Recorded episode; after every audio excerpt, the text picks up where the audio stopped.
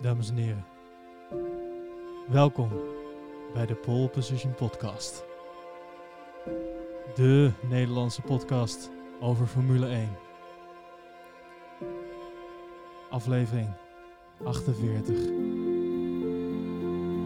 Met uw host Elwin Kuipers en Matthijs Koiker. Ach, wat een onzin is dit, Matthijs. Eh, wat nou? Nou, eh, ik, eh, we hebben een recensie Eh. gekregen. Dus aan de hand van die recensie dacht ik, laat ik dit eens even anders doen, die intro. Ehm, maar om dat te begrijpen zal ik even de recensie voorlezen. De recensie is van Bob1969. Hoi, Nee, Bob. Ja, hoi Bob. Ehm, de titel van de recensie is Intro is Taring Harry. Nou denk je, Taring, ja, Harry. ja, nou denk je, maakt hij nou een spreekfout? Nee, zo staat het er. Taring Harry. Met EI. Zo zeiden ze dat in 1969. Tijdens de intro zet je deze podcast alweer af. Wat een herrie. Saaie stemmen. Eh 2 miljard 446.467 keer eh. Eh? Dus, ehm Matthijs, Eh, ja. eh, wat gaan we met de intro doen? Ja, ehm, hier, eh, hier, hier overval je me wel een beetje mee, Oh. eh. Oké, ehm, zullen we dan maar gewoon teruggaan naar het eh, origineel? Of, of vind je dat we het echt wel moeten aanpassen? Nou, ik vind, laten we luisteren naar Bob. Oké, laten we luisteren naar Bob. Bedankt voor je goede idee. Ja, nou, dat is waar. Ehm, ik ga daar dan tijd en energie in steken, Bob. Dankjewel voor je recensie. Moet je wel beloven dat je blijft luisteren. Ja, dat is wel waar. Ik ben bang dat... ah, dat is dus niet, want hij zet hem al tijdens de intro af. En ik weet niet of hij dat dan... Ja. Dan krijgt hij dit dus niet meer mee. Ben ik bang. Jezus. Ja. En dan mist hij ook alle e's. Ik krijg ook maar één ster. Zo jammer. Ja. Nou, La- laat het niet gezegd zijn dat wij dus niet naar onze luisteraars luisteren. nee, dat is niet waar. Maar eh, ik weet dat Bob ook niet in onze Slack zit. Tenzij eh, Bob onder een andere naam actief is eh, eh, op eh, iTunes in plaats van eh, in de Slack. Maar dat denk ik niet. Dus Bob, als je luistert, ik hoop dat je dat nog doet. eh, nog één keer dan die oude intro. En dan zal ik beloven dat ik de volgende keer een nieuw intro voor je heb. Ja? Komt-ie.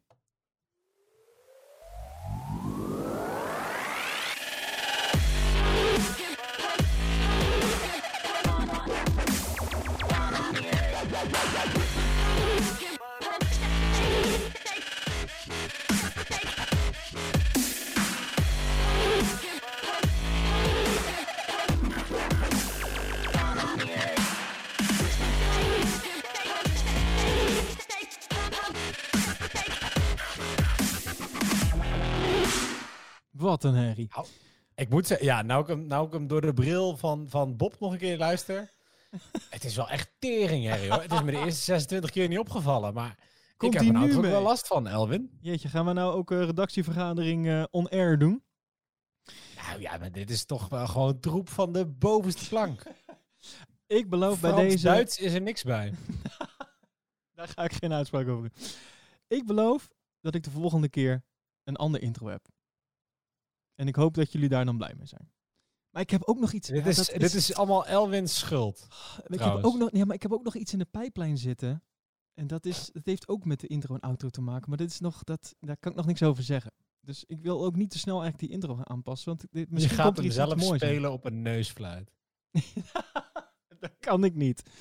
Laten we het in godsnaam over Formule 1 hebben. Wat kan je wel.nl? Oké, Formule 1.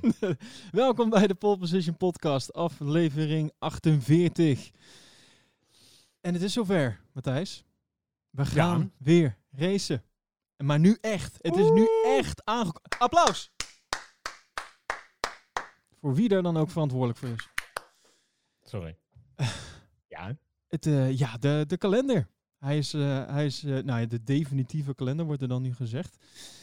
Is, eh, is naar buiten gebracht. En eh, we, nou, we gaan, dat was natuurlijk eigenlijk al duidelijk, maar het is nu allemaal een soort van echt, echt officieel.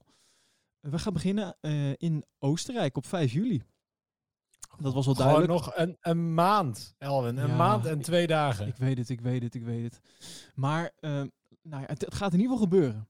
Laten we daar in ieder geval blij mee zijn. twee weken, want we zowel 5 juli als 12 juli gaan we racen op de Red Bull Ring. Daarna gaan we door naar Hongarije. Dan twee races op Silverstone. Dan Spanje. Circuit de Catalunya. soort testen, maar dan anders. Rondje Spa. En Monza. Want Monza is ook... Ja, dat, voordat zeg maar, het officiële bericht naar buiten kwam... kwam ook Monza met het bericht naar buiten. Tenminste, de, de, volgens mij de directeur van het circuit... of kwam via de socials... kwamen ze naar buiten dat, ze, dat er geraced werd. En dat werd dus later ook bevestigd. Dit is wat we nu weten. Ja, 1, ik 2, ben wel 3, blij. 4, het 5, zijn ook 6, echt de leuke circuits. acht races. Het zijn... Het, ja, dat vind ik wel, ja. Ja, eh, in Want Spanje het ook. zijn de circuits, Ik vind Spanje niet, niet de straatraces. Nee, klopt ja. Ik weet niet of ik eh, eh, Barcelona nou zo interessant vind. Zeker omdat de coureurs nou dat rondje echt wel kunnen dromen. Ja, maar toch. Ik vind het is wel een interessant circuit. Het is wel, ja, het is, het is ja, ik ken een leukere, maar het is, het, het, is een goede, goed alternatief eh, in deze tijden. Laat ik het dan zo zeggen. Nou, daarom. Ik ben helemaal happy. Ja, en ehm, de Formule 2 en 3, die gaan toch ook een aantal keer de voorprogramma eh, daarvan doen. Sowieso in Oostenrijk, zag ik. Nee, volgens mij gaan ze het trouwens allemaal doen. Ja, volgens mij gaan ze alle acht races, gaan ze, Formule 2 en Formule 3 gaan ook gewoon, eh, gewoon gezellig mee. Dus dat is bij deze ook bevestigd. Nog een kalender die bevestigd is. Zullen we daar nog even mee doorgaan? Ik eh, Ja, zag... Heb je nog meer kalenders? Ja, ik, het is- ik, ik moet heel even zeggen tussendoor. Ik irriteer me nu aan mijn eigen us. Ja, ik, was, ik ben ze ook al de hele tijd aan het tellen. Nou, ik zit op Bob. 163 bij jou. En jij? Ik eh, zit erbij op 1969, maar dat heeft meer met bot te maken. Oké. Ik denk, ik denk dat, we, dat we wel voor het vervolg, als iemand zulke specifieke kritiek wil geven, maak het nog even concreet. concreter. ik durf nou niks te zeggen in verband met de us. Heel vervelend dit. Ja, terwijl misschien zei hij het al over jou. Nou, dat, dan ga ik nu persoonlijk, na deze opname, ga ik alle opnames terugluisteren waar jij bij betrokken bent.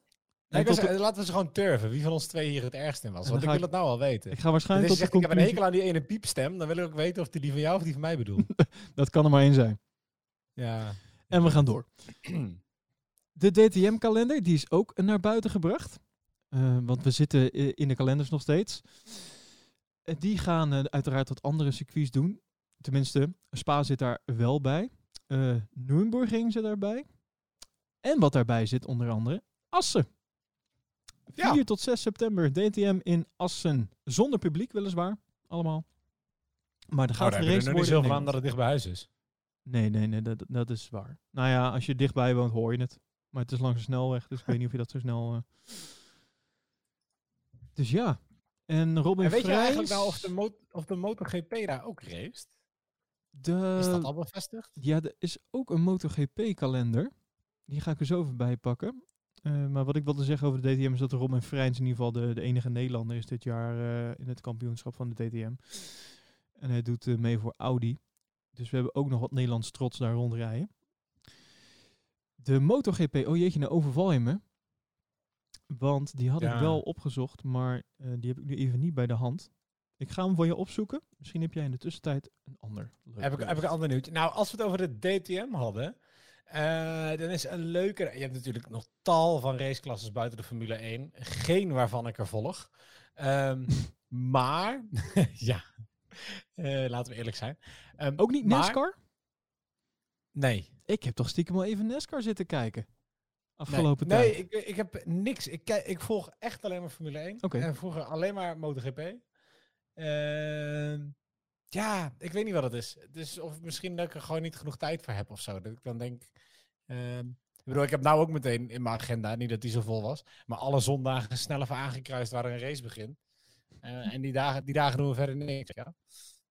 Ja, ik moet wel zeggen, Eh. ik heb even NASCAR gekeken. Maar ja, het is, ik, ik vind het ergens vond ik het vet dat er weer geraced werd. En ik ben wel fan van Amerika en hoe zij dingen verslaan, zeg maar, zeker sportwedstrijden. Dus dat was voor mij wel weer een reden om even te kijken. En een commentaar van Rick Winkelman erbij. En het feit dat je hem ook gewoon tijdens die race live een beetje kan tweets naar hem kan sturen met vragen. En die beantwoordt hij dan ook. Dat vond ik wel leuk. Maar Ja. ehm, de race op zich. mm, Ik weet Ja, niet. zo boeiend. Het is niet, ja, het is natuurlijk het is vrij, vrij saai. Ja, ik zou dan eerder IndyCar gaan kijken. Ja, dat, Dat snap ik. leuker. Ja, dat is leuker, ja. Enfin, sorry, ik, uh, ik goed, vol Daarnaast, naast DTM en een hele grote, hele bekende is natuurlijk ook GT. Ehm, en ehm, even kijken. Afgelopen weekend, ja, daar zat ik mijn verhaal. Afgelopen weekend, ehm, ehm, onze hele grote vriend Nico Hulkenberg heeft eh, op de Nürburgring mogen racen in een Lamborghini Huracan GT3. Oh, tof. Eh, ja, toch wel leuk. Begon eigenlijk als een beetje een soort van eh publiciteitsstunt van de team-eigenaar. En dit zegt mij dus niks. Ik lees het op van de teleprompter. Danny Kubasik. Zeg Je kent hem Nou, niet. nou, nee, nou. Die daagde eh, Hulkenberg eh, uit via YouTube eh, voor een duel op de Nürburgring. Ehm, en dat heeft hij, heeft hij gedaan. En kennelijk was iedereen zeer te spreken over de snelheid van Nico. Ehm, en ehm, eh, alle feedback die hij gegeven heeft. Ze, uiteindelijk hebben ze er geen duel van gemaakt. Maar ja, hij heeft, hij heeft toch wel op de Nürburgring mogen rondcrossen. Ehm, ik vind het leuk. Ik vind het goed om te horen dat, dat je dan toch hoort dat hij in een andere klasse, eh al is het even zo'n testritje, dat hij alsnog wel hoge ogen gooit. Dat hij toch nog een beetje eh, een plekje heeft gevonden. Ja, weet je, misschien dat de F1 toch net, net een niveautje te hoog voor hem was. Eh, ja. Maar dat hij wel in de top zit van, van zeg maar een van de klasses die daaronder zitten. Nee, dat is, dat is zeker leuk om te horen. Ik denk niet dat we hem ooit terug gaan zien in de Formule 1. Maar hè, Nee, zeg nooit nooit. Dat hebben we over meer mensen gezegd. Alonso. Dus, Huh. ja. Nou, dat is een br- bruggetje naar... eh, ja, bruggetje naar het volgende ding. Je kan Alonso niet noemen en dan niet gewoon meteen al het nieuws erheen douwen. Want dan hebben we die man ook maar weer gehad. dus heb jij Alonso nieuws? Ik wil hier zo snel mogelijk vanaf. Nou, ik, ik heb Alonso nieuws op zich. Ja, ik ook. Ik heb één. Gaat dat toevallig over Abiteboul? Eh, nee. Oh, nou dan ben ik eerst benieuwd naar jouw nieuws. Ga ik daarna mijn... eh, Oké, oké, oké.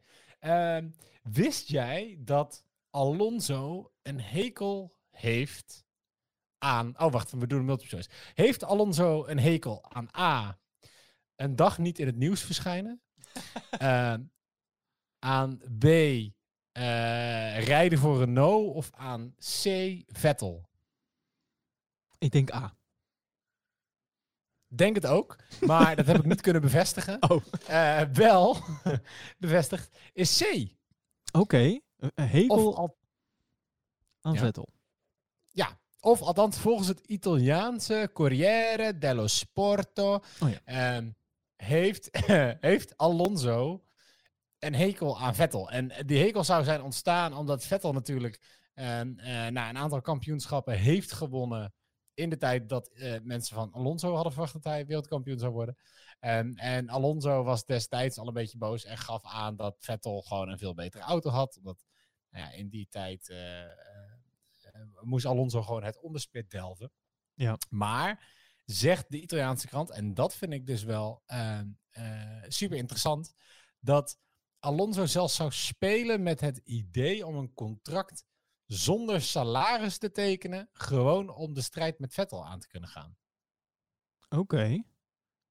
Ik heb geen idee waar ze dit op, eh, op baseren. Ehm, maar een van de plekken waar Vettel natuurlijk nog heen zou kunnen, is Renault.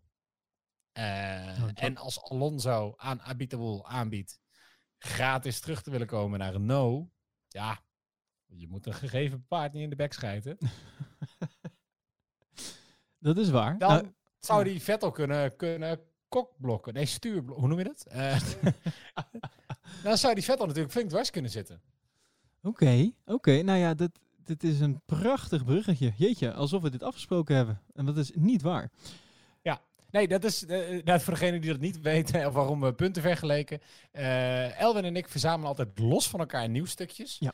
En zonder dat we elkaar eigenlijk het erover hebben, beginnen we altijd deze podcast. Om te zorgen dat we nou, niet te veel shit van tevoren besproken hebben.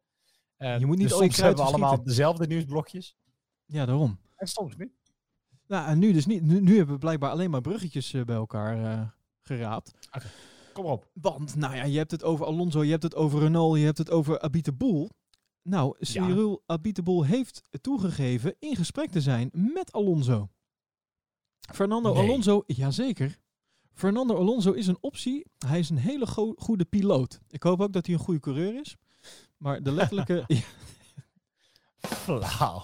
ja, Ik maar, wil ook zo'n knop hebben, bedoemd. ja, leuk hè. Maar de letterlijke eh, vertaling van wat hij zei was... eh, hij is een goede piloot. En dat was in, in een interview met de Franse radio. Maar hij zei daar ook, er zijn verschillende opties. Alonso is daar één van. Maar er zijn meerdere uitstekende coureurs die beschikbaar zijn voor 2021. Nou heeft de Spaanse krant Marca heeft, eh, het idee dat daarop wordt eh, gedoeld op Sebastian Vettel en Valtteri Bottas. Vettel natuurlijk Oh. zijn afscheid bij Ferrari. En Bottas die, en we hebben, daar hadden we het dan toevallig wel even kort over voordat we de opname starten, toch wel openbaar een beetje aan het shoppen is overal. Ja, nou, ik heb hem de afgelopen week vaker eh, in het nieuws voorbij zien komen. En op zich is het logisch, want zijn contract loopt af aan het eind van 2020. En nou, blijkbaar is hij toch niet, eh, niet per se van plan om te blijven bij de renstal waar hij nu zit. Dus eh, ja, Ja, wel interessant. Ik hoorde dat eh, Ted Kravitz ook bevestigd heeft dat Bottas ook aan het praten is met Red Bull. oh, oké. Dat is natuurlijk ook wel interessant. Bottas bij Red Bull. Hmm. Ja, hij vindt het natuurlijk niet erg om tweede rijder te spelen. Maar ja, waarom zou hij weggaan bij Mercedes? wilde ik net zeggen. Tenzij- ja, zakgeld. Ja, oké. Als, jij- als jij toch al eh, tweede rijder bent. Maar dat, in principe lijkt het me een zeer goede keuze om te kiezen voor een zak geld bij de partij waar je zit.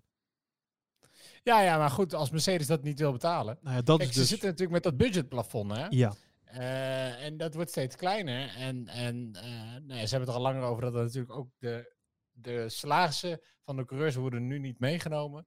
Maar dat dat er wel aankomt. En dat de coureurs sowieso wat gekort zouden worden op salarissen. Want nou ja, er gaan links en rechts natuurlijk eh, eh, allemaal mensen eh, de, de zaken uit. In verband met corona. Ik heb er zo ook nog een nieuwsberichtje over. van natuurlijk links en rechts over slachtoffers. corona. Ja, dan- Nou, dan kan, je, dan kan je het niet naar buiten toe verkopen dat je voor Hamilton 60 miljoen betaalt. Als je ondertussen mensen op straat zou zetten. Nee, dat is waar. En als ze natuurlijk in plaats van Bottas zeggen, nou ja, iedere andere tweede rijder is prima, onze auto is toch dusdanig veel beter. Eh, we hebben ook een tweede rijder als we ehm Ocon daar neerzetten. Weet je, bij wijze van. Ja. Ja, die zal het voor veel minder geld doen dan wat Bottas doet. Want Ja. Bottas verdient ook geen lullig salaris. Ik, heb, ik moet eerlijk zeggen dat ik geen idee heb wat het salaris van Valtteri Bottas is. Nou ja, terwijl ik het vertelde, wilde ik het ook opzoeken. We ja. hebben ooit een keer een aflevering gedaan waarin ik het van een hele hoop genoemd heb. Ja, dat is waar, ja. Luister terug, dames en heren, als je dat wil horen. Ja, Geen idee welke aflevering het is. ik wou er zeggen, ik zou niet eens weten welke aflevering. Ja, maar dat spoort alleen maar aan om alle afleveringen terug te luisteren. Al is dat volgens Bob geen goed idee. Of je moet even Nee. de intro skippen. En als je ons plezier wil doen, turf even hoe vaak ieder van ons eh zegt. Ik denk dat dat in deze aflevering al heel erg is. Jezus, ja. Maar Ehm, het salaris van Bottas. Hebben we het inmiddels bij elkaar gegoogeld. eh, ik, ik heb hier een hele grote lijst. Ik ben aan het scannen. Waar staat Bottas? Waar staat Bottas? Waar staat... Ja, F. eh 8,5 miljoen Oké. Oké. Ik zou willen dat ik een Is, cashknopje valt had. mee. Dat wou net zeggen. Het, het lijkt me, nou ja, oké, als hij dus voor het grotere geld zou gaan. Hij, ik denk dat hij ergens anders wel het dubbele kan krijgen. Nou, dubbel is ook veel, hè? Ja, maar, Maar dit is wie, toch. wie een- betaalt dat voor een coureur? Dat is Ferrari, dat is Red Bull. Eh nou ja, Renault heeft het nou een keer gedaan, maar ik denk niet Wou dat ze net dat zeggen. voor Bottas gaan doen. Nee, oké, maar dat, ik, bij Renault verbaast het me ook. Ja. Dus Ja, dat was ook heel bizar. als het toch ergens eh, geld ineens is. Maar eh, je hebt gelijk. Ik zou, daarom, ik weet ook niet waar. die- Ja, Red Bull, maar ja. Ja, ja nou ja, Red Ja, Bull dan. Nou ja, ik, Dat is dus. ja, Ja, ja, ja ik Why weet not? het niet. Kijk, Ja, een, een andere optie, en die optie werd ook geopperd voor Vettel, is eh, eh, Aston Martin. ja, Vettel en Bottas bij Aston Martin in 2021. dat zou, ja. Dan zo. heb je op zich best wel een sterke basis om vanaf te beginnen. Daar zou ik wel voor tekenen. Dat lijkt me wel interessant. Toch? En ja, zeker. En ik weet niet wat ze met die auto gaan doen. Maar goed, als ze natuurlijk meer, meer onderdelen gaan uh, standaardiseren. Uh, en je ook met die, als ze met die tokens willen gaan werken. En volgens mij moedigt dat voor de kleinere teams alleen maar meer aan om meer onderdelen uh, in te kopen. Ja, dan doe je een soort van klein tracing pontje. En dan heb je in ieder geval een auto staan die voor 95% goed is. En, en dan begin je met twee goede rijders. Dan kan je best wel een goed eerste seizoen maken. Al. Ja, absoluut. Zeker weten. Mits de auto natuurlijk goed is. Ja, ja maar goed. Weet je, daar, daar ben ik ook nog benieuwd naar. Want dat was het, in het begin, voor heel deze corona-onzin begon, uh, het gesprek van de dag. Hoe die auto's het tegen elkaar gaan doen. Ja. Daar hoor je nu natuurlijk niemand meer over. Maar over een maand weten we het eindelijk. Nou ja, er, zijn, er zijn geluiden dat Mercedes toch de boventoon gaat voeren. Terwijl men eerst dacht dat Red Bull best wel uh, een goede stap had gemaakt. Laten we eerlijk nou, zijn. Ik bedoel, iedereen die riep toch om het, het in- en uitschuiven van het stuurtje van... Uh, dat lijkt een eeuwigheid geleden. Ja, nee, dat is waar. dat, je zou bijna vergeten dat dat nog uh, talk of the town was voordat we een klein griepje kregen. Ja. Om het zo maar even te zeggen. Uh, daarmee wil ik het niet bagatelliseren trouwens. Maar nee, je hebt gelijk. Dit, en het feit dat er gewoon überhaupt niet in de fabrieken is gewerkt, wat dan ook. Dus dit heeft allemaal stilgelegen. En bij ja. sommige teams nog langer. Uh, zoals een Ferrari bijvoorbeeld. Italië is natuurlijk vrij snel al getroffen waarin dingen heel snel dicht gingen. Maar volgens mij was het ook niet heel lang daarna dat ook andere fabrieken gewoon allemaal dicht ja, gingen. alles moest dicht. Alles ja. moest op een gegeven moment dicht. Dus ja, ik ben heel benieuwd uh, hoe dat gaat uitpakken dadelijk. Maar uh, om ja. nog even het Alonso stukje af te sluiten. Want Abite Boel was ook heel vrij duidelijk dat hij zei dat het nog allemaal niet zeker was. En dat ze nog in gesprek zijn. Nou, dan weet je dat het dus rond is. Zoals het een beetje in de sporttermen gaat, toch? Maar hij deed nog wel een kleine steek onder water uitdelen.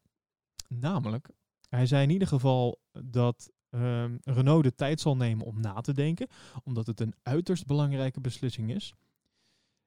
En hij zei daarover over het beleid van McLaren en Ferrari.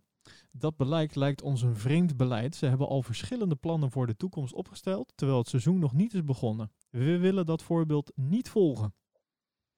Vond ik een vrij bijzondere uitspraak. Ja. Maar wat is niet bijzonder bij de man? Nou ja, het, toevallig zat ik net even de Formule 1 aan tafel uh, podcast te luisteren. Volgens mij was het Christian Albers die uh, de beste man nee, uh, graag ziet vertrekken. Of, oh, oh, oh ja, nee, ja, klopt ja. Die was er niet heel erg positief over. En hij niet alleen. De instemmende geluiden van onder andere volgens mij Jack Ploy en Olaf Mol waren vrij duidelijk aanwezig. Ja. Ja, ik, uh, ik uh, kan Frans alleen maar de hand schudden. Uh, en, ook, ook hij, en het is wel leuk als je, als je inderdaad hun insights hoort. Dus nou ja, daarvoor luister zeker een keer F1 aan tafel. leuk als ze ook een keer een shout-out naar ons doen. ja, andersom zou ook leuk zijn. Maar nee, ja, de, het, achter de, weet je, wat je een beetje van hun hoort, hoe er achter de schermen en ook in de rest van de industrie over Abiteboel gedacht wordt. Um, hij kwam daar een beetje terecht omdat hij uh, twee andere hoge vriendjes bij Renault had zitten, maar allebei die hoge vriendjes zijn inmiddels weg. Ja, die kom op. Het zal toch ook niet lang duren voordat ze Abiteboel... Ik vind het moeilijk te beoordelen. Het gaat natuurlijk over een heel team en je ziet maar een heel, heel, heel klein stukje zo aan de oppervlakte. Maar alles wat ik aan de oppervlakte zie, is die man ook gewoon geen. Uh, nou ja, kan, kan, je volgens mij niet alle problemen van het team oplossen zolang Abiteboel er nog zit. Mm, true. Ben ik met je eens. Ja. MotoGP kalender. Die hadden we nog. Ja, uh, ja die had ik geforkt. Maar uh, ik, ik zie daar nog niks definitiefs van, van gecommuniceerd zijn. Behalve dan dat Japan ook inmiddels een streep doorheen is gegaan. En die stond gepland voor 18 oktober. Oh. Dus, en daarmee is de zesde Grand Prix van de GP, MotoGP-kalender die niet doorgaat. Want ook um, Groot-Brittannië en Australië en Assen gaan dit jaar niet door. Oké, okay, dus de DTM is uh, eigenlijk de enige race uh, die we echt hier gaan kunnen meemaken. Ja. Zonder publiek. Ja, vooralsnog, uh, tenminste, ik heb, ik heb niet alle klasses bekeken, maar vooralsnog is dat eh, ja, het antwoord daarop is ja. Mijn hemel. En heeft iedereen zo hard vorig jaar zijn best gedaan om Zandvoort helemaal af te krijgen? Ja, ja, dat is natuurlijk een sneu. Ik vind het wel een goede beslissing trouwens. Ook dat was natuurlijk eigenlijk al lang duidelijk dat dat niet ging gebeuren. Maar nu dus ook Ja. officieel. Zandvoort gaat niet gebeuren dit jaar. En ik moet eerlijk ze- zeggen dat ik het wel eh, eens ben met, met die beslissing. Die, dat circuit, dat valt of staat. Zeker nu het eerste jaar is. En gewoon de hele promotie erachter. Het feit dat het ook eh, niet een regering is die erachter zit qua geld. Maar gewoon, ja dat circuit dat leeft van kaartverkoop en zeker van Ja. hoe, ze, hoe de Formule 1 het ook in gedachten had. Hè, met met een, gewoon een oranje zee en, gewoon het hele marketingplaatje ook een beetje erachter. Want dat is natuurlijk ook gewoon wat het is. Ja, dat, dat kan je nu niet brengen. En dan, dan zou het zonde zijn om het circuit eh, zo te ontmaagden, om het zo maar te zeggen. Nou, Dus dat. volgend jaar gewoon een feestje van maken. Ja, toch? Ja, eh, wel jammer. Want ja, ik zou er natuurlijk eh, bij zijn dit jaar. Ik weet niet, heb ik dat eigenlijk Oh ja, genoemd in deze podcast? Dat weet ik eigenlijk niet. Nou, eh, bij, bij deze, ik zou er eigenlijk op de vrijdag bij zijn. Maar dat, omdat daar Nick en Simon moesten daar optreden en daar moest ik dan bij werken. Dus ik, dan had ik wat vrije trainingen misschien ergens mee kunnen krijgen in een hoekje of zo. Of zijdelings, maar helaas. Hopelijk volgend jaar. Vast wel. Ik hoop het. Komt goed. Positief Komt blijven. Ja, want dit jaar, hoe gaat het dit jaar dan eigenlijk aan de slag? Ik hoorde dat jij eh, eh, ook wat, eh, wat corona-gerelateerd nieuws had, volgens mij. Eh, over wat er gebeurt in het geval van, eh, van, van ziekte bij mensen. Ehm, wat ik eh, ook heb gelezen, of wat, wat de FIA heeft, eh, heeft uitgelegd, is dat eh, ieder team maximaal eh 80 personeelsleden mee mag nemen naar het circuit. Dus dat is flink uitgedund als je bekijkt hoeveel mensen er normaal gesproken meegenomen worden, zeker bij de grote teams. Dus Jannie die van de 80 catering mensen- mag niet mee. Nee, nee eh, Annie eh, An- Annie van de mag geen catering. koffie serveren. Iedereen moet zelf zijn koffie halen. Jeetje. En Truus van de toiletten? Nee, ook niet, helaas. Jeetje. Dus moeten ze ook nog... Zie je het al voor je? Dat Lewis nog even zijn, eh, de pot even staat zelf te ontsmetten. Want ja, dat moet wel gebeuren natuurlijk. Ja, helaas. Nee, eh, nou ja, ze mogen 80 mensen meenemen. Daarvan mogen er 60 aan de auto werken. Dus je hebt nog 20 mensen over. Wie weet, eh, wie weet op stopplek voor Trudy. Ja, is het nou Truni of is het nou Annie? Wie was nou van de toiletten? Sorry, flauw. Ga verder. En eh, nee, ja, dat was het. Oké, 80 mensen.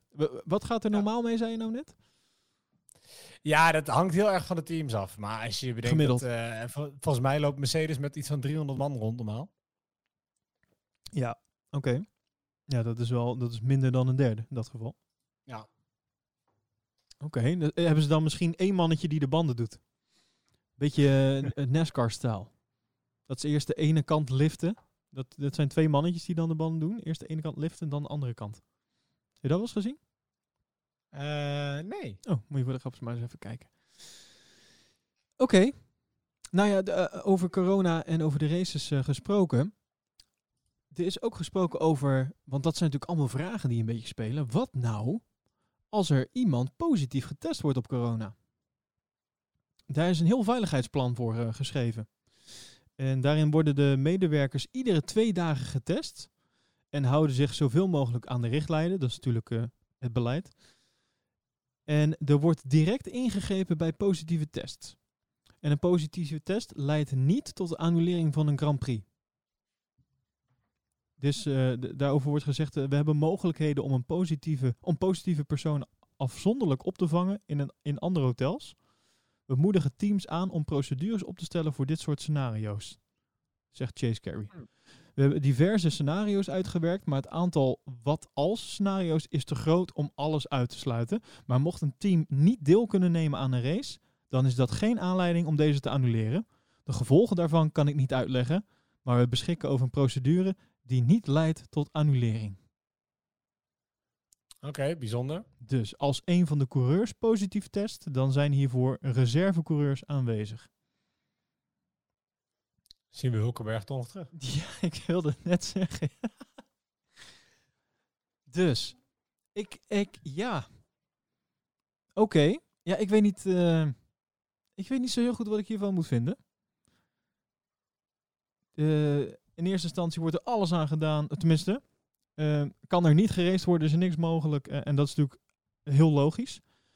En nu wordt er gezegd dat als iemand positief test, dat het, dat het. Nou ja, ik weet natuurlijk niet wat hun procedures zijn. En het wordt natuurlijk allemaal een beetje omheen gesproken. Maar ja, ik kan me toch voorstellen dat als iemand positief getest wordt, dat dat dan niet, ja, sorry, maar dat lijkt me dan toch ook niet eh, dat je dan wilt gaan racen ook of zo. Ja, überhaupt is natuurlijk Nou. allemaal al, nou, nou ja, je zegt nou al nou, maar dan maak ik gelijk een bruggetje naar eh, de vader van Lewis Hamilton. Dan denk jij, huh, de vader van Lewis Hamilton? Ja, Anthony Hamilton. De vader van Lewis Hamilton. Die heeft zich daar ook over uitgesproken. Die heeft namelijk gezegd: we zouden geduld moeten betrachten en wachten tot het aantal nieuwe coronagevallen is teruggedrongen tot nul. Dan kunnen de mensen die zich nu zo hard inzetten tegen de ziekte ook huiswaarts keren om daar te genieten van de sport. Aldus Hamilton senior. Hij zegt: Ik begrijp dat we terug moeten naar het normale, maar alleen als dat veilig is en alleen voor de essentiële zaken. Ik zou het heel onrechtvaardig vinden om voor de tv te juichen voor Lewis of hem op het podium te zien staan. Ik wil niet voor hem juichen op het moment dat elders duizenden mensen sterven aan de coronavirus. Ja, Ja, Daar valt ook wat voor te zeggen. Overtrokken. ja? Ja, joh. Nou ja, nou ja, oké, maar stel. Je wil alleen... Sorry, ja, stel dat er dus nu in de Formule 1 een coureur. eh, eh, eh, nou, zeg dat het Lewis is. Lewis die eh, wordt positief getest op corona.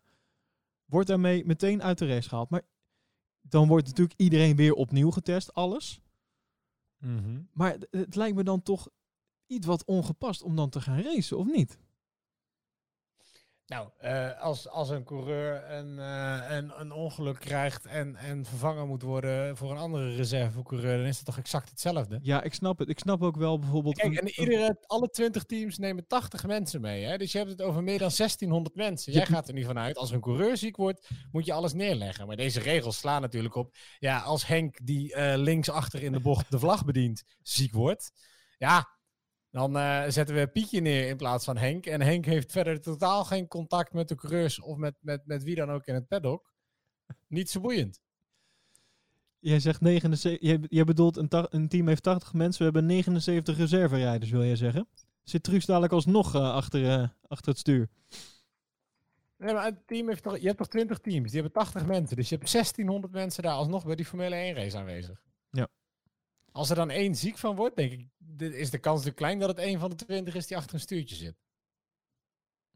Nou Kijk, dit- daar ga jij nou wel van uit. Nou, waar ik van uitga is dat, dat er alles aan wordt gedaan om dit zo veilig mogelijk te doen.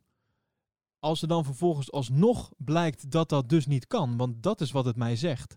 Als er iemand positief getest wordt, ondanks alle, eh, hoe noem je dat? Alle quarantaines vooraf, achteraf, tussendoor, alle maatregelen die worden genomen. Als iemand dan alsnog getest wordt positief, dan lijkt mij toch van jongens, blijkbaar kan dit dus toch niet. Want ondanks alle heftige maatregelen die we doen om dit te voorkomen, is er toch iemand blijkbaar positief getest. Het is natuurlijk allemaal nu een wat als maar als dat gebeurt, dan, maar dan kan het ineens wel. Dan kunnen we wel doorgaan. Ik vind dat gewoon, ik vind dat heel raar. Ik snap de belangen. Ik snap dat eh, in een weekend, denk vorig jaar Spa, met een Hubert, eh, dat we dan ook gewoon doorgaan met racen. Ik snap dat. Maar toch, gezien de huidige situatie en vooral hoe streng alles wordt gedaan om ervoor te zorgen dat, dat iedereen eh, niet, ja, zonder dat hij ziek is, daar aanwezig is. Als je dan toch iemand daar positief test, dan lijkt het niet dat je zomaar kan zeggen, we gaan toch door, ongeacht hoe. Dat vind ik gewoon heel raar als je dat nu al kan zeggen. Ja. Dat vind ik gewoon raar. Dus, tot zover mijn rant. Ja. Nee, ja, ja ik, ik, snap, ik snap wel dat ze het zeggen. Weet je, dit, als ze dit nu gaan beginnen, dan doen ze dat ook omdat ze er in één keer mee doorgaan. En ze willen niet dat bij het eerste geval van... Ik bedoel, die mensen, ze, zitten niet constant in quarantaine. Eh, Henk, die de vlag bedient, gaat ook gewoon naar huis toe s'avonds. Eh en als ze iedereen dan om de twee dagen testen... Maar ja, tussendoor in de week van, weet ik veel, van, van eh, het ene circuit naar het andere circuit... is er iemand ziek geworden... Ja, dan, vind ik al, dan snap ik dat je nu van tevoren Nou. zegt, dat is geen reden om te stoppen. Betekent niet dat ze het helemaal niet doen. Ik weet zeker dat als het halve grid ziek wordt, dat ze echt wel stoppen met die races. Ja. Maar ze willen niet, zodra eh, Henk van links achter ziek wordt, dat de pers er bovenop springt en dat iedereen meteen gaat vragen, ja jongens, jullie stoppen nu toch wel? Bedoel, Dan is het logisch dat ze van tevoren een positie innemen. Ja, maar die vraag gaat dan toch je- komen. Heel simpel. Ja, maar dan hebben ze, nou ja, dit, dit is van tevoren, is dit onze positie geweest. Ja. Daar kunnen ze altijd nog weer van afwijken. Maar het is toch de bedoeling dat je nu eh, daar wel een positie in inneemt. Al lijkt het me trouwens, jij zegt Henk met de vlag gaat gewoon s'avonds naar huis. Nou, dat lijkt me dus niet, hè? Want als je alleen al kijkt dat de media eerst twee weken in quarantaine moet. Tenminste, ik weet niet hoe dat inmiddels weer is. Maar destijds was het dat iedereen eerst naar Londen moest. Nou, dat lijkt mij nu ook niet de beste plek trouwens om in quarantaine te gaan. Maar tot daar gelaten. Om vervolgens dan naar het circuit te gaan met z'n allen. Daar nog in quarantaine te zitten. Ik weet niet, het was, het was een heel gedoe om als media ergens aanwezig te zijn. Dus het lijkt mij dat Henk met de vlag niet gewoon s'avonds naar huis gaat. Nou, maar dat was ook voordat ze... Ik bedoel, dat was toen alle vluchten ook waren opgeschort binnen Europa. Oh, En ja, je dat, kan binnenkort kan je gewoon alweer naar, naar Italië op vakantie als je wil, hè? ja, dat is waar. Dus, want volgens mij was het juist, dat, want het is niet te doen. Het, het- het hele idee van we trekken in een, in een quarantaine rond. Eh, en het hele jaar is heel, eh, de Formule 1 familie is één grote familie en komt met niemand in aanraking. Daar waren ze toch juist ontzettend op tegen. Ja, nou ja, ja, ja. Dus dat, dat gaat niet gebeuren. Maar jij denkt dus dat Henk met de vlag gewoon s'avonds naar huis gaat? Ik denk het wel, ja. Even zijn vlag poetsen. Oké. Oké. Nou ja, dan eh, kunnen we door. Ja, ik moet even afkoelen van mijn rant, merk ik. Nou, ehm, laten we het dan hebben over een koude en verfrissende oplossing in de vorm van iedereen's favoriete energiedrankje. gaat het over... Gaat het over Rich Energy? Zeker. ja. Oké, kom maar door. Rich Energy, jeetje. Kent u die Rich nog? Energy. Ja, zeker. Begin dit seizoen werd natuurlijk duidelijk dat ze iets eh, in, de, in de motorwereld gingen sponsoren. En werd er een, eh, ik meen, goud-zwarte motor getoond. eh, omdat Rich Energy ging sponsoren.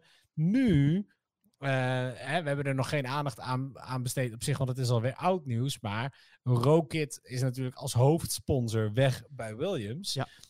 Nu verscheen er opeens een foto op social media van Haas met eh, de auto van Williams, waarbij op de plek van Rocket, Nee. heel leuk, Rich Energy gespo- Ach, hou geshopt op. was.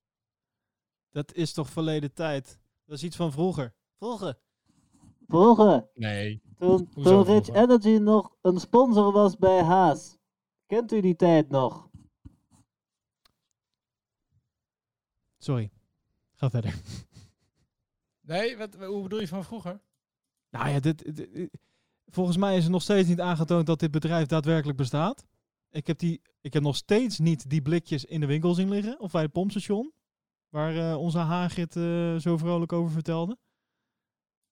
Ze zijn natuurlijk heel, met een heel raar verhaal vertrokken bij Haas. En nu staan ze ineens op de zijkant van Williams. Ik, kunnen, ze, kunnen ze niet gewoon een lifetime ban voor Rich Energy doen? Gewoon vanuit de, überhaupt de sport. Misschien gewoon uit heel mijn leven in ieder geval. Nou, ik vind het bijzonder dat ze dit dus doen met. eh, want in feite is dit, dit is zoveel reclame voor Rich Energy. Ondanks dat er nul sponsorgeld in zit en je wel een auto leent van eh, het merk Williams. Ik vraag me af of hier niet gewoon ook een mega rechtszaak aan zit te komen. Mhm. Oh, ja, ja, ja, ja. Ja, dit, dit kan je toch niet zomaar doen, joh. Nee, ja, dat lijkt me niet, nee. Ze hebben wel een logo aangepast. Heb je dat gezien? Ja. Ze hebben ook niet meer die, eh, dat gewei eh, erop staan.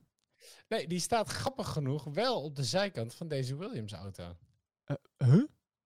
Ik, ik heb hier, heb jij de tweet van William Story zelf, a.k.a. Hagrid? Ik- nee. Ik zie hier namelijk een, een, een tweet van William Story met this was, this was livery proposed by William Racing 18 months ago. In mine op oh ja, oké, dat is een oude, sorry. Ja. Ja, en dan hebben ze... Rich Energy heeft op 31 mei een eh, foto geplaatst. Het is vier dagen geleden. Oh, deze was van 30 mei. Ah, oh, dat is Rich Energy zelf. Ik zat nu bij, eh bij Hagrid te kijken. Sorry. Eh, Rich Energy. Ik vind het wel... William Story, zijn, eh, zijn Twitter-kanaal. Daar is nog steeds een foto. Hij heeft zeg maar gewoon... Je hebt natuurlijk een profielfoto en je hebt een bannerfoto. Nou, de profielfoto, die komt echt uit Harry Potter 3 eh, zetten. Maar de bannerfoto, dat is gewoon nog steeds hij met naast hem Gunther Steiner en Magnussen en Grosjean. Ja. Vrij bijzonder. Ja, bijzonder op deze vond ik dus dat, dat het gewei staat er gewoon nog steeds op. Oh. Op eh, een van de zijvleugeltjes. Bizar. Ja. Ik, eh, ik- nou, ik, ik zal hem even in de show notes zetten. Kan ik hem zelf ook no gelijk even bekijken. Bad, publicity. Maar ik dacht dat dat... eh, of hebben ze hem aangepast? Hebben ze het gewei aangepast? Dat is een beetje zo'n ding wat, wat vrouwen in de jaren negentig lieten tatoeëren net boven hun kont. Zo zag het er een beetje uit, hè? Ja, Ja, kontgewei. ja kontgewei. Noemden Oké. Ja, dat, ik, ik weet niet of ik dit nou een heel goed idee vind. Ik weet ook niet of Williams zich hier nou mee moet inlaten. Aan de andere kant, ze hebben niet zo heel veel keus. Nee, ja, ik denk dat ze misschien gokt de Rich Energy het op dat Williams toch het geld niet heeft om het eh, aan te vechten. Ja. Ja, bizar, bizar. Oké. ehm, ik heb hier een nieuwsartikel en ik weet niet of ik het erover moet hebben. Dus dat ga ik even met jou bespreken, nu gewoon op zender. Eh, dit gaat over Lewis Hamilton. Hij is woest. En niet op zijn vader overigens. Maar hij is woest naar aanleiding van de incidenten in Amerika. Gaan wij het hierover hebben of niet? Nee. Oké, dan gaan we door. Carlos Sainz. Reverse grid sprint races. We willen het er echt niet over hebben. Ah, maar ik wilde even Wat? één ding zo. ik- Mag ik er één ding over zeggen? Eén klein ding. ja. Ehm, eh, de- het bericht gaat namelijk over het feit dat Hamilton geraakt is door wat er is gebeurd. Maar vooral, en dat, dit vind ik wel een interessante discussie. ehm, hij heeft zich ook een beetje uitgelaten over het feit dat ehm, andere coureurs zich ook meer druk hierover zouden moeten maken. En ik vind wel, wat vind jij? Vind jij dat een, een sportman of eh, iemand die succes heeft, zijn, zijn, zijn macht die hij eigenlijk een beetje heeft en zijn bekendheid moet, moet gebruiken, verplicht is om te gebruiken, om zich over zulke soort kwesties uit te laten? Wat, wat ik vind? Wat vind jij daarvan? Ik vind reverse grid sprint races best een leuk idee. Dat is niet het antwoord op mijn vraag. Nee, snap ik. Maar vind jij dat, vind jij dat eh, mensen met bekendheid zoiets zouden moeten doen? Iets ergens voor zouden moeten staan? Dit is nu het voorbeeld van Hamilton die daarvoor gaat staan, maar er- kunnen meerdere dingen zijn. Vind jij dat, dat, dat je dat verplicht bent als jij eh, die, eh, die status hebt? Dat, dat, dat was meer de achterliggende vraag die ik... Daarom had ik hem opgeschreven, dit artikel.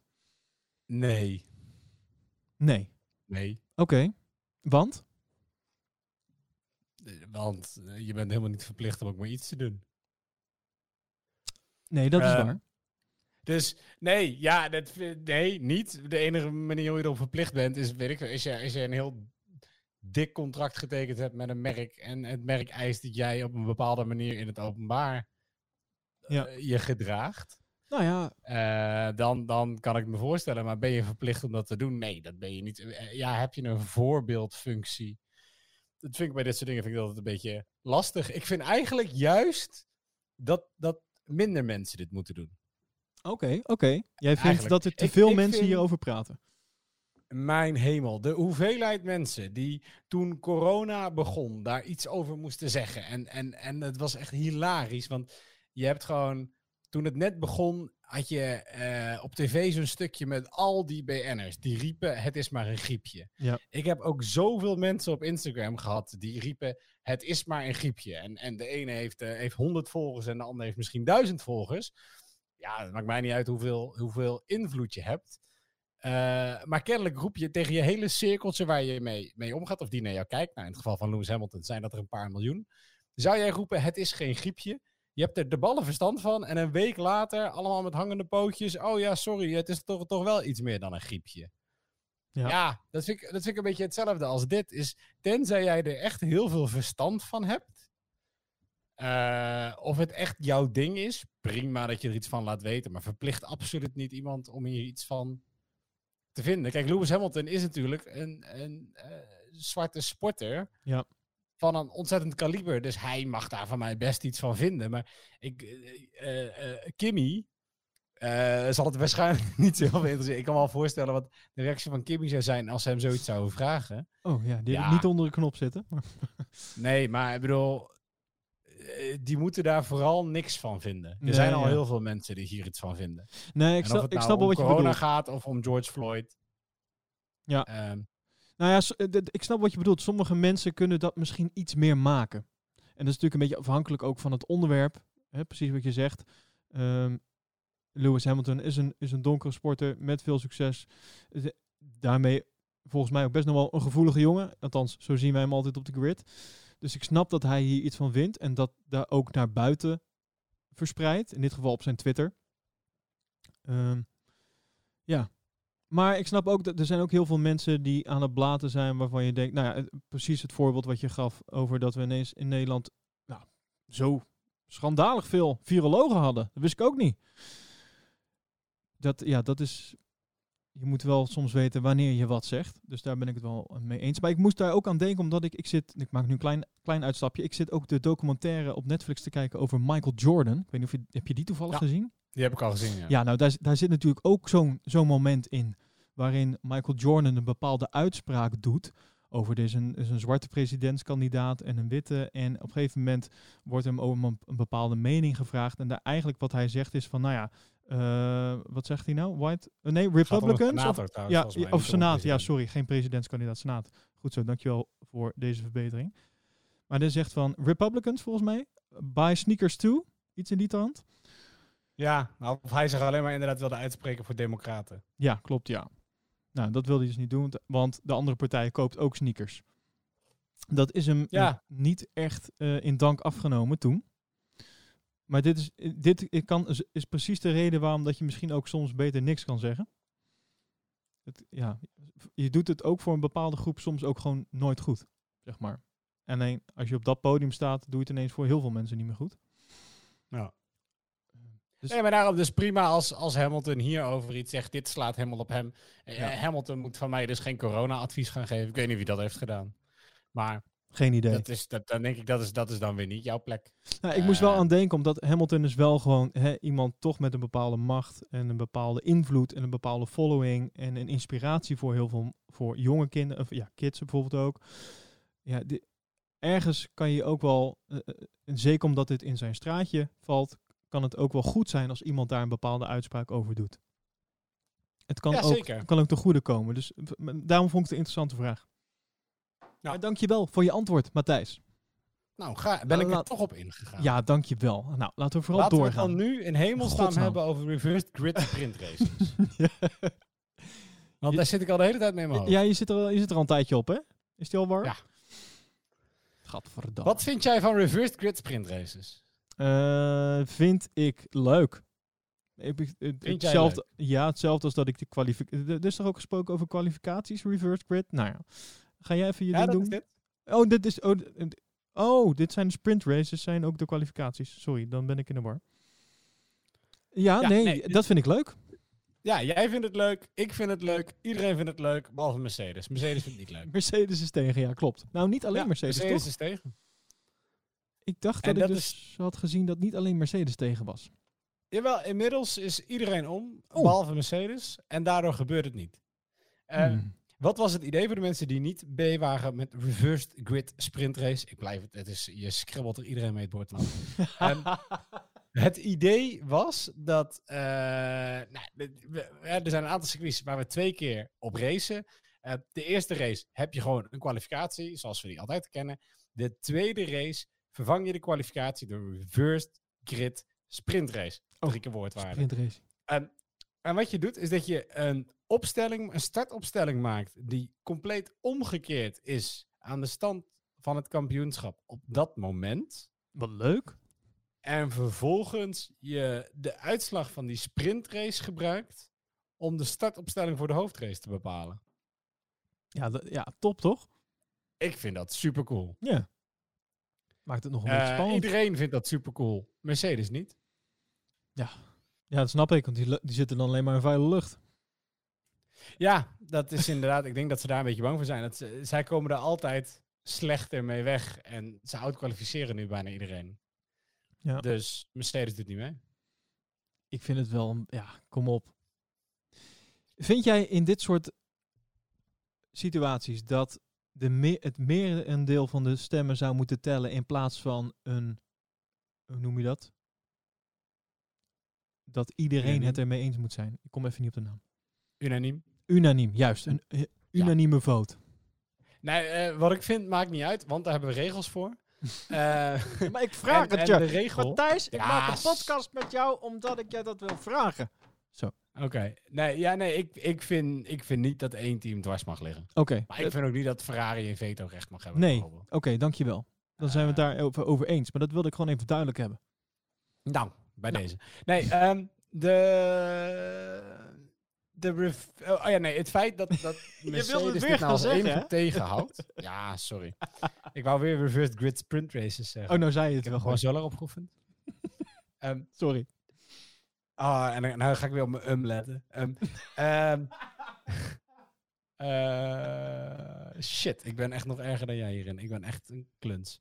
Reversed grid sprint racing. Daar hadden we het over. Zeker. Nou, FIA heeft sinds coronatijd een safeguard-clausule. Eh, en dat wil zeggen dat ze regelingen waarbij een meerderheid van de teams, maar niet een unaniem besluit, eh, over een reglementswijziging is, dat ze die wel mogen doorvoeren. Maar dit mag alleen maar voor dingen die eh, echt van eh, pure noodzaak zijn.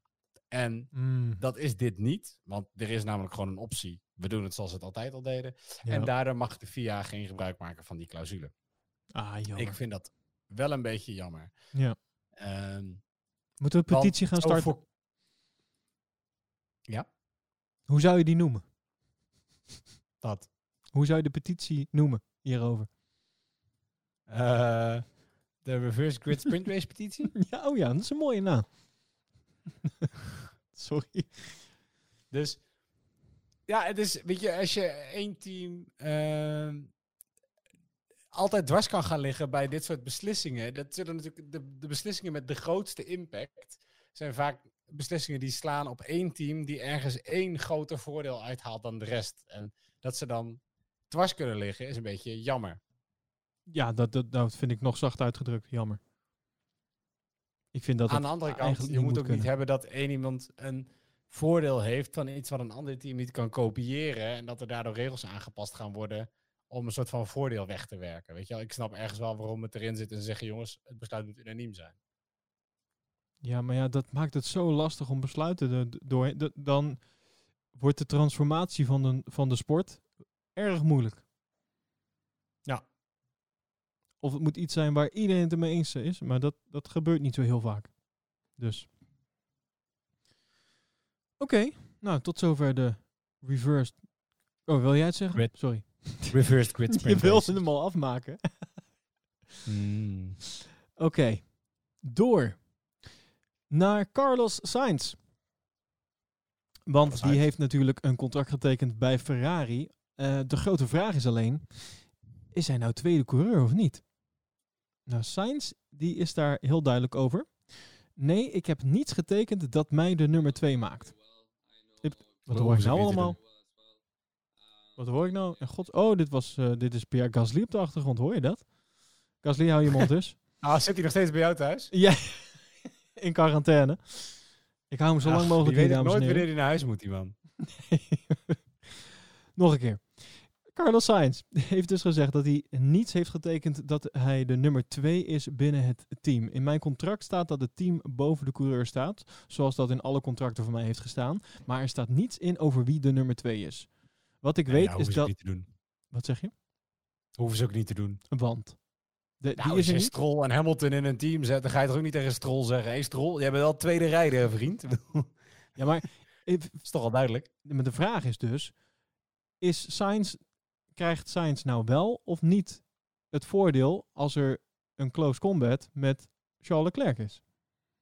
Ik denk dat dat zelden voor gaat komen. En de keren dat het wel voorkomt, weten we toch allemaal wat Ferrari doet. Nou ja, nou ja dat als we, ik weet wat Ferrari doet, maar dat was nou niet echt een succes afgelopen seizoen, of wel? Nee. Nee, maar ze gaan, het toch, wel- ze gaan het toch proberen te beïnvloeden, want zo zijn ze. Ja, maar ze zijn er niet heel erg overtuigend in geweest, wat, wat voor hele gekke momenten heeft gezorgd. Ja. Dus ik, ik weet niet of het heel erg duidelijk is. Aan de ene kant heb ik het idee dat ze wel een nummer 1 in gedachten hebben. Aan de andere kant heb ik het idee dat ze eigenlijk ze, ze ook gewoon willen laten racen. En zeker nu met deze twee jongens.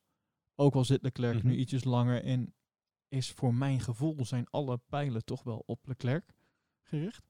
Maar nou, er is een poll op eh, GP-fans waarin werd gevraagd: gaat Sainz Leclerc verslaan bij Ferrari? Eh, ja, 49%. Nee, 51%. Dus mijn Oh. vraag nu aan jou, Matthijs. Gaat Sainz Leclerc verslaan bij Ferrari? Nee. Dikke nee? Ik vul hem even voor je in. Volgende vraag. Nee. Oké. Ik, ehm, nou, ik kan dat natuurlijk... Sainz, kan dat een- Sainz eh, Leclerc zou gaan verslaan bij Ferrari vind ik even waarschijnlijk als dat Albon Max verslaat bij Red Bull. Oké.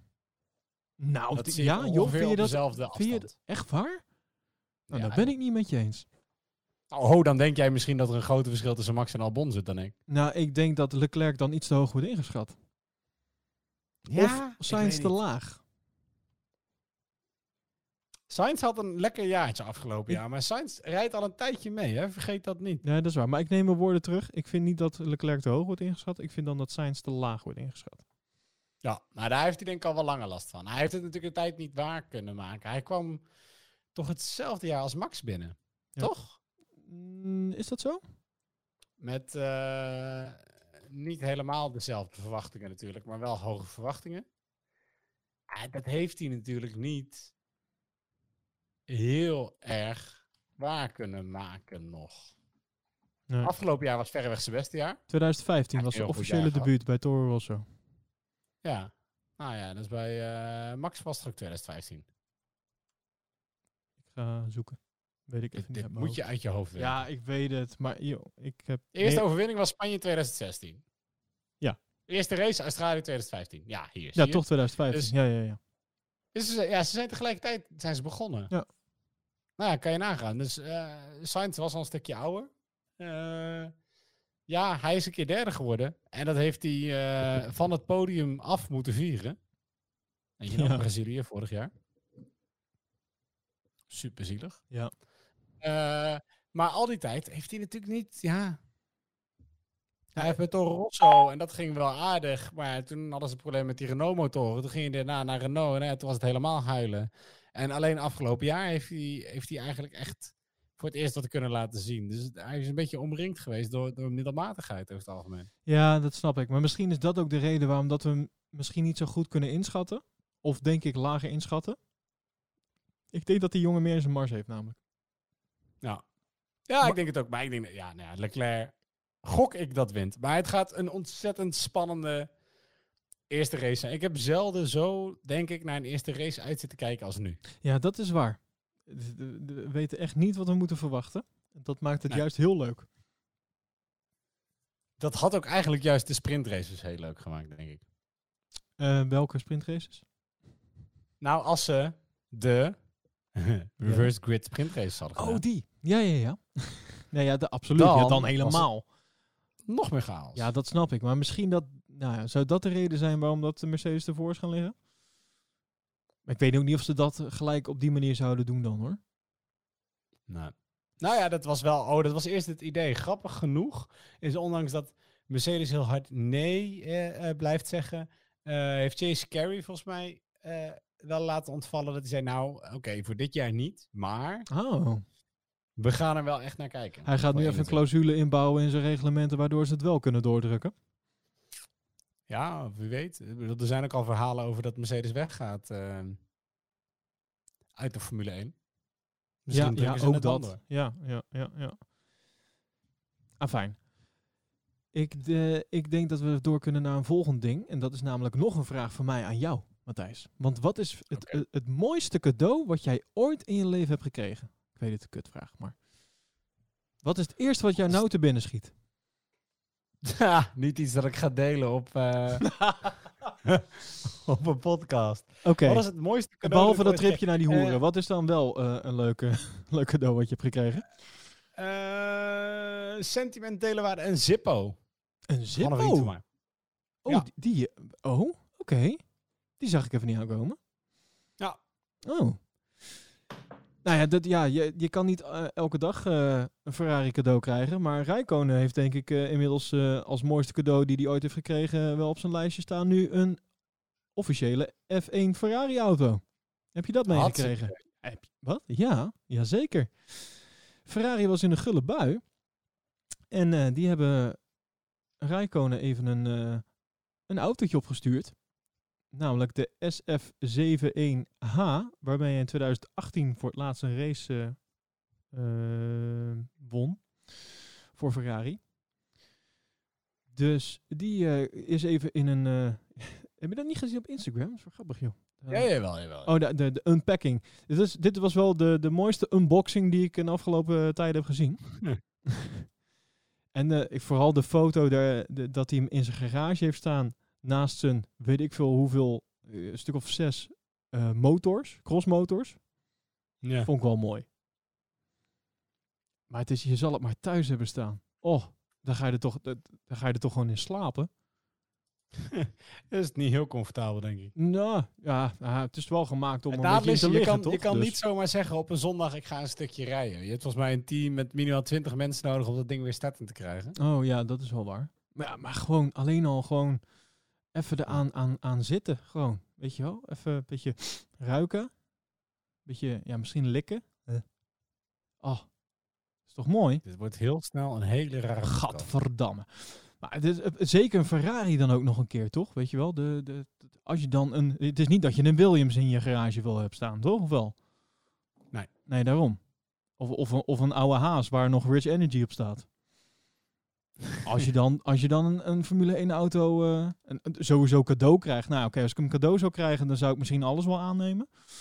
Maar zeker een Ferrari. Man, man. Jeetje. Sorry, ik vond het vrij opvallend. Eh, Ja. Maar eh, leuk. Ik, het is alleen wel een vrij duur museumstukje. Want wat je zegt, om dat ding daadwerkelijk aan de praat te krijgen. Misschien is het gewoon kostenbesparing en eh, schuiven ze die de verzekering af op eh Kimi. dat zou ook. Aan de andere kant. Kan niet goedkoop zijn om zo'n ding te verzekeren. Nee, dat is waar. Aan de andere kant, als er één iemand is in de Formule 1 die dat ding aan de praat zelf kan krijgen in zijn uppie, dan is het Kimi. Oké. Dus. Oké, ik eh, ben een beetje door mijn nieuws heen. Ik ook. Ja, hebben wij eh, hebben we alles gehad? Even kijken, nieuws. eh, Alonso hebben we gehad. Eh, Zandvoort. Nou, dat is, dat is tegenwoordig gewoon weer een strand waar je naartoe gaat. Ondanks dat het corona is. In plaats van een circuit. afstand. Toch? Ja. Nou, ik, eh, dat was hem denk ik dan. Dank je wel weer. Zal ik, eh, zal ik onze intro ook gebruiken als outro? Even kijken. Laatste keer dan. Luisteraars, dank je wel voor het luisteren naar de Pole Position podcast. Wij hopen dat je het fijn vond om onze stemmen weer even in jouw oor te horen. Eh, Gadverdamme. Oké. Nou. Dankjewel voor het luisteren. Eh, de socials, wil je die nog even opnoemen? En dan kan ik eh, tegelijk nog even in, een kijkje in onze Slack eh, nemen. Instagram, Facebook, Slack. Tot zover. Eh, Slack, nou wat is Slack dan? Nou, dat is een heel leuk kanaal, een chatkanaal, waar we gewoon met allemaal echte fans en echte pole position podcast luisteraars, eh, eh, behalve Bob dan, dat is jammer. Bob, kom er alsjeblieft Bob in. mee. Eh, schrijf je even in. Als je even naar onze Instagram gaat, dat is pole position NL uit mijn hoofd, staat in de link in bio. Kom je zo in onze Slack terecht. Even, even Klik accountje aanmaken accountje aanmaken. Hè? En dan zie je er gewoon lachend bij. En daar praten we eigenlijk de, de hele week door een beetje over van alles. Waaronder Formule 1. Waaronder Formule 1, ja. En slechte muziek. Is dat zo? Die heb ik even gemist. Maakt ook niet uit. F1 Fantasy, dat vind ik trouwens nog een leuke. Gaat dat nog eh, iets zijn? Of eh, kan je... Ja, ik ben benieuwd of die wat gaan doen. Want ik had er helemaal een mooi een kanaal voor aangemaakt in Slack. Dat is, eh, dan kan je dan, eh, als je dat wil, kan je dan in dat kanaal. Dan kan je, ik zal eens even kijken op de, op de website even snel. fantasy.formula1.com Deze domeinnaam is te koop. Oh nee. Notice related to COVID-19. All F1 fantasy teams will now start scoring from the first Grand Prix of season 2020. Oh, oké. De, eh, dus je kan, de- de- de- je kan gewoon nog steeds meedoen. Aangezien we ook nog niet van start zijn gegaan. Zodra de eerste race gaat zijn, eh, gaat het gewoon tellen. Ik heb al eh, wat, wat teams aangemaakt, moet ik zeggen. ik heb drie teams klaarstaan. Ja, ik, ik moest, de derde vond ik nog even lastig. Die moet ik nog even doen. Oké, nou ja, dus als je daarin mee, wil doen. Je hebt nog een eh, klein maandje, zoals je aan het begin van de uitzending hoorde.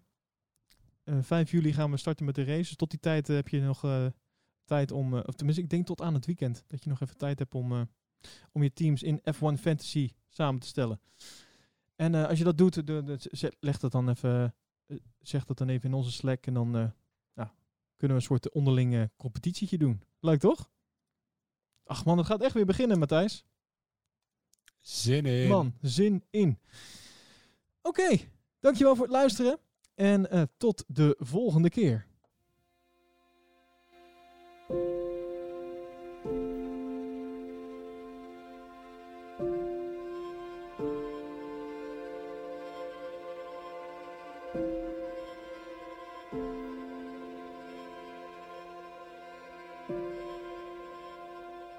Ja, zoek alvast even die nieuwe outro. Ja?